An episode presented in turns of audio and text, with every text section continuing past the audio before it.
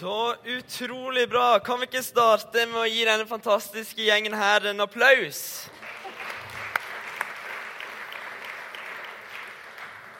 Så deilig, så godt å se alle sammen. Jeg håper du har hatt en god sommer. Kanskje har du blitt like brun som Jarle. Eller kanskje har du måttet gått den vandringa jeg måtte gått. Man blir solbrent, man blir brun, man flasser, og man blir hvit igjen. Ikke sant? Dere får be for meg. Sånn er det. Men det er så utrolig godt å kunne være samla igjen til gudstjeneste. At vi får lov til å komme her akkurat sånn som vi er. At vi får lov til å komme med våre feil og våre mangler. En mann som het Jefferson Betke, han er en motivator. Han sa det at eh, kirka den er ikke et museum for godtfolk. Det er ikke et sted der vi skal vise hvor bra vi er. Vi skal late som at alt ser så fint ut. Men at det er et sykehus for de knuste. At vi kan få lov til å komme som de uperfekte menneskene vi er, og dette blikket på Han som er perfekt. Det er det vi kan gjøre sammen. Så slapp av. Du er mer enn god nok, og vi er alle så velkomne. Vi er nå inne i en taleserie som heter 'Sikkert og visst'. Noen ting er faktisk helt sikkert. Noen ting så trenger man ikke å liksom diskutere. Det handler ikke om hvem det er som ser saken, det handler ikke om meningene. Noen ting vet vi. Det ble sagt at jeg studerer i Grimstad til å bli liksom ingeniør. Og I løpet av disse fire årene jeg har gått nå, så har jeg lært én ting. I hvert fall. Jeg har lært én ting. To pluss to blir alltid lik fire. Det er godt. Jeg har lært meg det. Det er ingenting du kan gjøre for at to pluss to skal bli likt noe annet. Uansett hvem det er som presenterer det på tavla, uansett hvor flink man er til å fremme en sak, så vil to pluss to alltid være lik fire. Det er en sannhet. Sånn er det. Og på samme måte så er nok jeg også en fyr som man kan si med sikkerhet at jeg er en person som kan eh, Hva skal man si? Drite meg ut litt ofte i mangelen av bedre uttrykk. Jeg tror veldig mange av mine venner kan få en god latter. Ikke nødvendigvis fordi det er så utrolig morsomt, men det er mer sånn der, hvordan, hvordan skjedde det med deg, Rolf? Hvis det er noe håpløst, er det alltid 'selvfølgelig var det Rolf'. Og så Nå skal dere høre en litt sånn eh, småpinlig historie. For ikke så veldig lenge siden så var jeg var hjemme hos meg selv. Det var en sånn veldig fin kveld. Jeg er veldig glad i å se på stjerner. Til de som eh, deler den eh, begeistringa. Og så var jeg med ei jente som jeg, jeg, var veldig interessert i. Liksom, ja, woo! Så lå vi liksom der og så, så på stjerner, det var, veldig, det var veldig hyggelig det var veldig koselig. Og så er det sånn til de som vil vite det, et nys. Det kommer i en hastighet på 65 km i timen, og det du nyser ut, kan gå 250 meter. Så dere som sitter der, bare pass dere. Så ikke sant? Vi, det var veldig hyggelig, det var koselig. Og så vet vi alle det at når man er med noen på liksom den begynnelsen der, så må man fise mye, men man holder inne, og man får veldig vondt i magen. ikke sant? Alle vet hva jeg snakker om. Alle vet hva jeg snakker om. Så der lå jeg, det var koselig, og så plutselig så nyser det.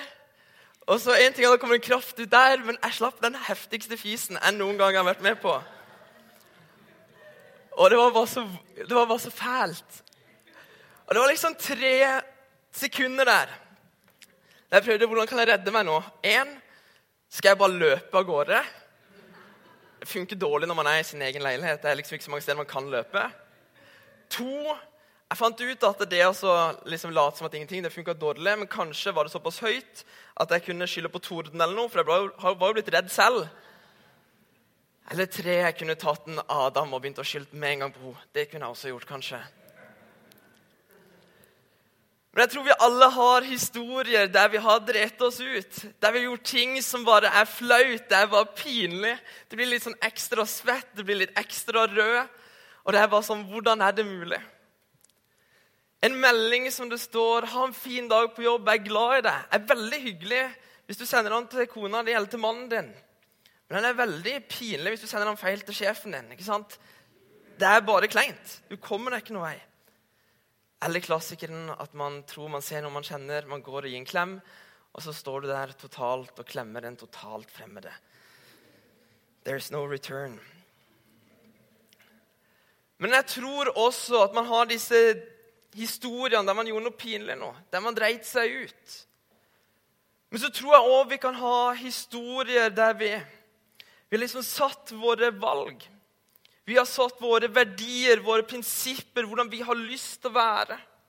Hvordan vi har lyst til å behandle vennene våre, hvordan vi har lyst til å behandle familien vår, hvordan vi har lyst til å være i troslivet vårt. Og så plutselig så befinner man seg i en situasjon der man driter seg ut. Man gjør de tingene man har sagt man ikke skulle gjøre. Jeg syns Paulus sier det så bra i Romen. Han sier at det gode jeg vil gjøre, det gjør jeg ikke. Mens det onde jeg ikke vil, det gjør jeg. Så fortsetter man her, og liksom man begynner å kjenne på skammen. Man begynner å kjenne på det at jeg er god nok. Så kommer det til det spørsmålet hvordan kan Gud elske meg? Hvordan kan Gud elske meg Nei, jeg gjør så mye feil? Hvis det er én ting jeg vil du skal huske fra den talen jeg skal ha, eller ha nå, så er det fem enkle ord. Det er fem enkle ord som hvis vi forstår det, har muligheten til å forandre liv.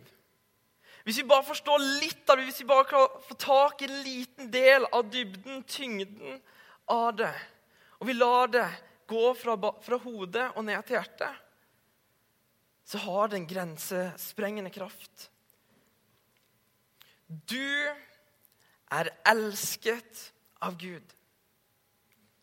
Du er elsket av Gud.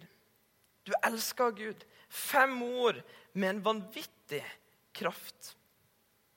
Uansett hvilken bagasje du tok med deg når du kom hit, uansett hvordan din sommer har vært, uansett hvilke tanker du har om deg selv, så er dette en sannhet som står fast. Det er sikkert og visst. Du er elska av Gud. Vi skal ta oss og se på en historie som står i Johannes 8. Det er kvinnen som ble grepet i ekteskapsbrudd, og jeg skal lese med dere først. Tidlig neste morgen kom han til tempelet igjen. Hele folkemengden samlet seg om han, og han satte seg og begynte å undervise dem. Da kom de skriftlærde og fariseerne med en kvinne som var grepet i ekteskapsbrudd. De førte henne frem og sa, 'Mester, denne kvinnen er grepet på fersk gjerning i ekteskapsbrudd.' I loven har Moses påbudt oss å steine slike kvinner. Men hva sier du? Dette sa de for å sette ham på prøve, så de kunne få noe å anklage ham for. Jesus bøyde seg ned og skrev på jorden med fingeren. Men da de fortsatte å spørre, rettet han seg opp og sa, 'Den av dere som er uten synd, kan kaste den første steinen på henne.' Så bøyde han seg ned igjen og skrev på jorden. Da de hørte dette, gikk de bort én etter én, de eldste først. Til slutt var Jesus alene igjen, og kvinnen sto foran ham. Da rettet han seg opp og spurte, 'Kvinne, hvor er De? Har ingen fordømt deg?' Hun svarte, 'Nei, Herre.' ingen. Da sa Jesus, 'Heller ikke jeg fordømmer deg. Gå bort og synd ikke mer fra nå. Denne historien her har en vanvittig kraft. Den er helt ekstrem. For du har liksom Jesus som liksom samla med kompisene sine. Disiplene er der. han liksom Plutselig der kommer det én linje med sannhet, og bare boom, og så tar han en spøk. og liksom, Det er sikkert god stemning, ser jeg for meg. Og så Helt ut av det blå så kommer det liksom en gjeng med menn som bærer med seg ei dame som mest sannsynlig ikke har så mye tøy på seg. Og så tar de og kaster henne foran, foran Jesus. Og Så sier de til Jesus at denne kvinnen hun er tatt på fersk gjerning i å begå ekteskapsbrudd. Har altså ligget med en mann som ikke er ektemannen hos henne. Så sier de videre at ifølge vår lov så skal hun steines. Altså vi skal kaste steiner på helt til hun dør. For oss så virker det totalt uvirkelig, men sånn var det på den tida. Og så sier de, 'Men hva vil du vi skal gjøre, Jesus?'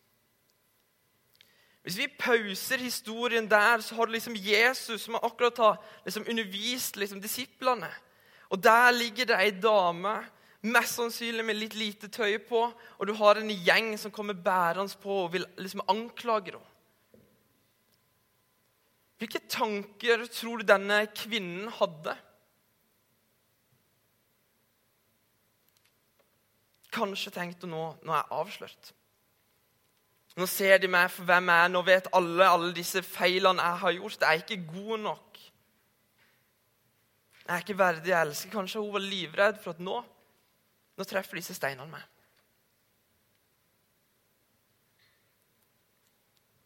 Men Jesus gjør noe som bare Jesus kan gjøre. Han svarer og sier, 'Den av dere som er uten synd, den av dere som ikke har gjort noe feil før, du skal få lov til å kaste den første steinen.' Jeg ser for meg at det bare blir helt stille. Sånn der klassisk klein stillhet. Du kan bare høre steinene bare falle og treffe bakken. Og de går av gårde. Og der fortsatt står liksom Jesus med denne kvinnen som ligger foran henne. Hun må nok fortsatt tenke liksom, hva kommer Jesus til å gjøre med meg. da? Han er jo uten synd, så han kan jo faktisk kaste denne steinen. Hva kommer han til å gjøre? Der hun tror hun skal bli møtt av utskjelling, der hun, hun tror hun skal bli møtt med steiner, så blir hun møtt med en utstrekt arm. Som sier liksom Hvor er de som fordømmer deg? Hvor er de som peker fingeren på deg? Det er ingen. Det gjør ikke jeg heller. Reis deg opp Gå i fred og synd ikke mer. Her har vi ei kvinne som mest sannsynlig hele sitt liv har lett etter kjærlighet.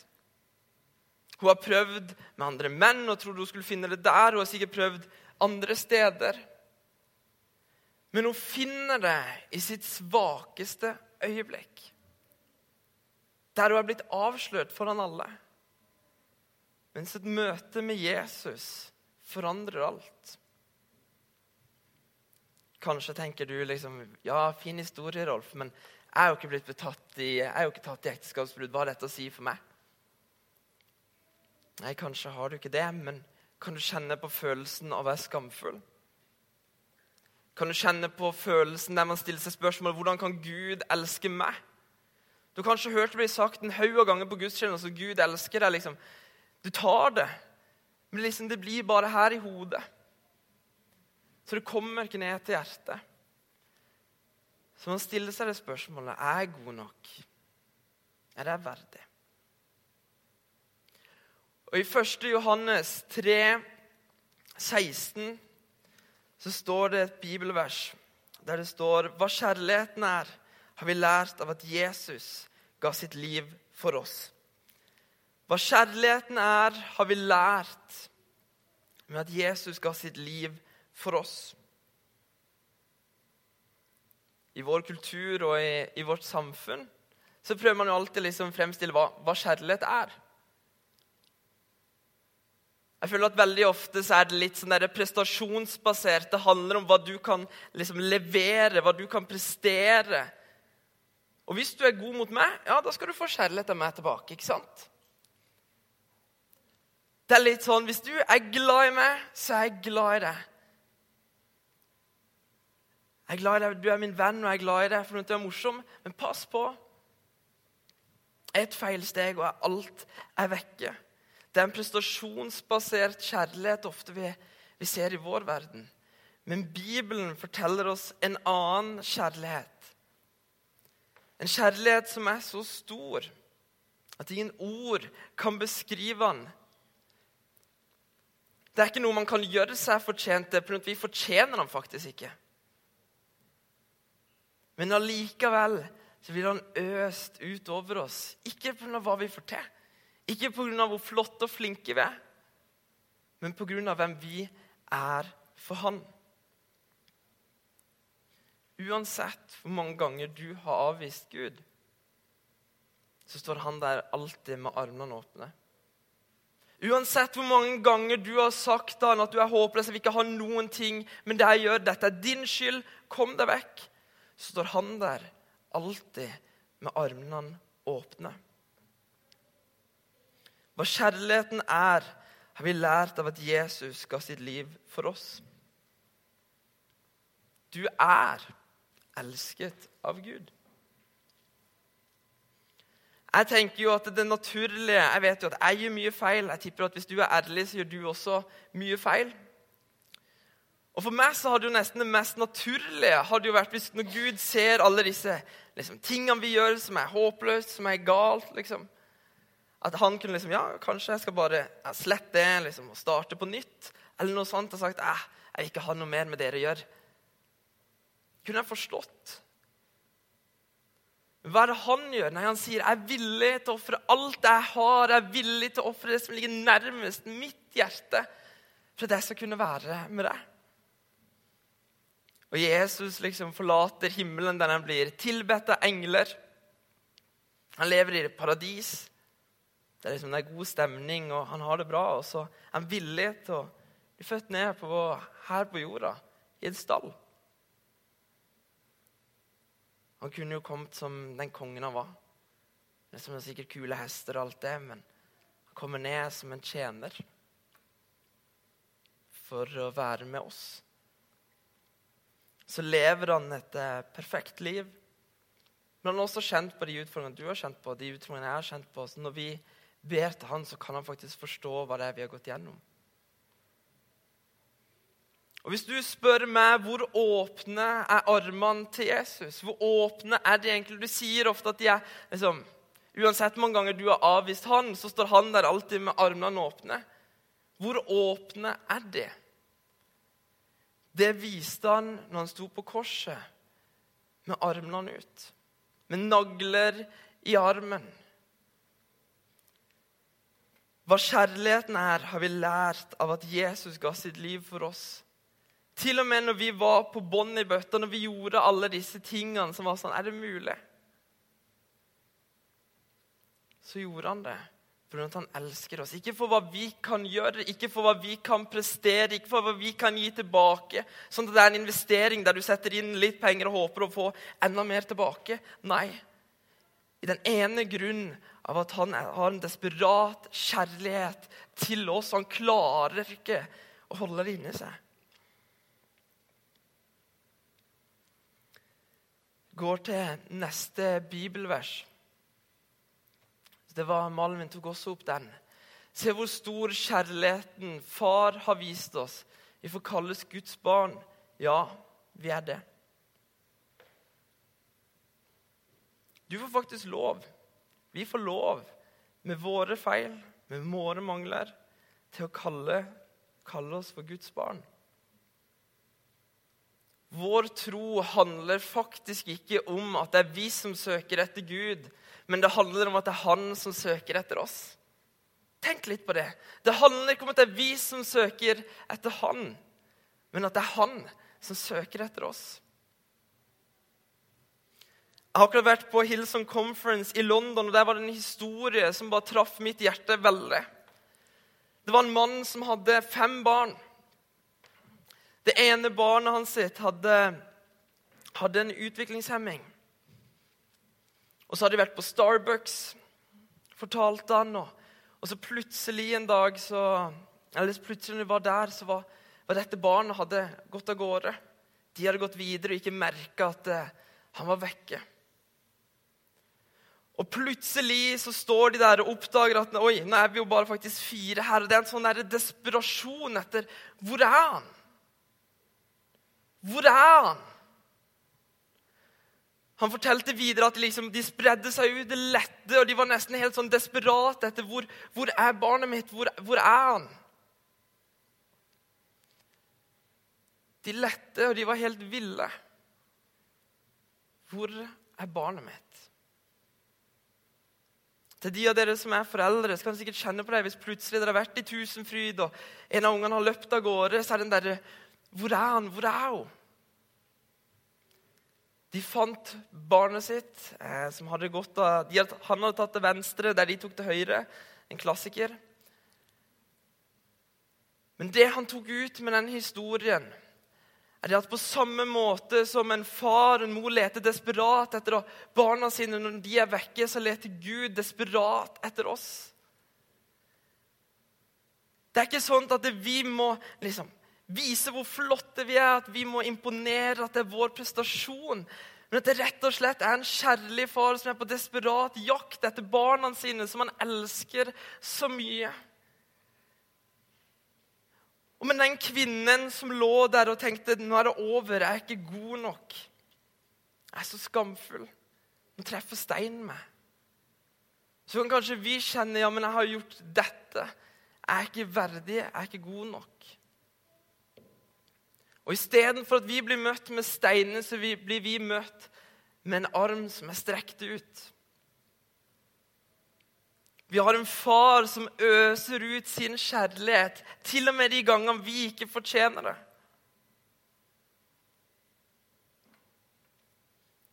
Du er elsket av Gud. En setning man kanskje har hørt hundre ganger, kanskje tusen. Men hvis vi bare forstår litt av dybden hvis vi bare forstår bitte, bitte grann, så tror jeg det har en kraft som kan forvandle oss. Og så forstå at det er faktisk ikke vi som søker etter han, men at det er han som søker etter oss. Til og med om vi driter oss skikkelig ut, om du fiser når du ikke skal fise. Til og med om man gjør ting som man ikke har lyst til å gjøre. Så er han ikke den som snur ryggen til. Han er den som strekker armene ut. Og hvor åpne er de armene? Jo, det viste han på korset. Jeg skal ta en bønn, og så, så er vi ferdige. Jesus, jeg takker deg for at du er god. Jeg takker deg for at din kjærlighet til oss er, er, konstant. Det er ingenting vi kan gjøre for at du skal elske oss mer, og det er ingenting vi kan gjøre for at du skal elske oss mindre. Den er ikke prestasjonsbasert, men den er basert på hvem vi er for deg. Takk for at du aldri gir oss opp. Takk for at du alltid møter oss med kjærlighet der vi er fortjener noe annet. Og Jesus, jeg ber om at vi alle skal kunne forstå og vite at vi er elska deg. Jeg ber om at alle tanker som går imot deg, skal gå vekk. Takk for at du har vist oss hva kjærlighet er, og takk for at vi får lov til å være en del av din familie. Og alle sammen sa amen.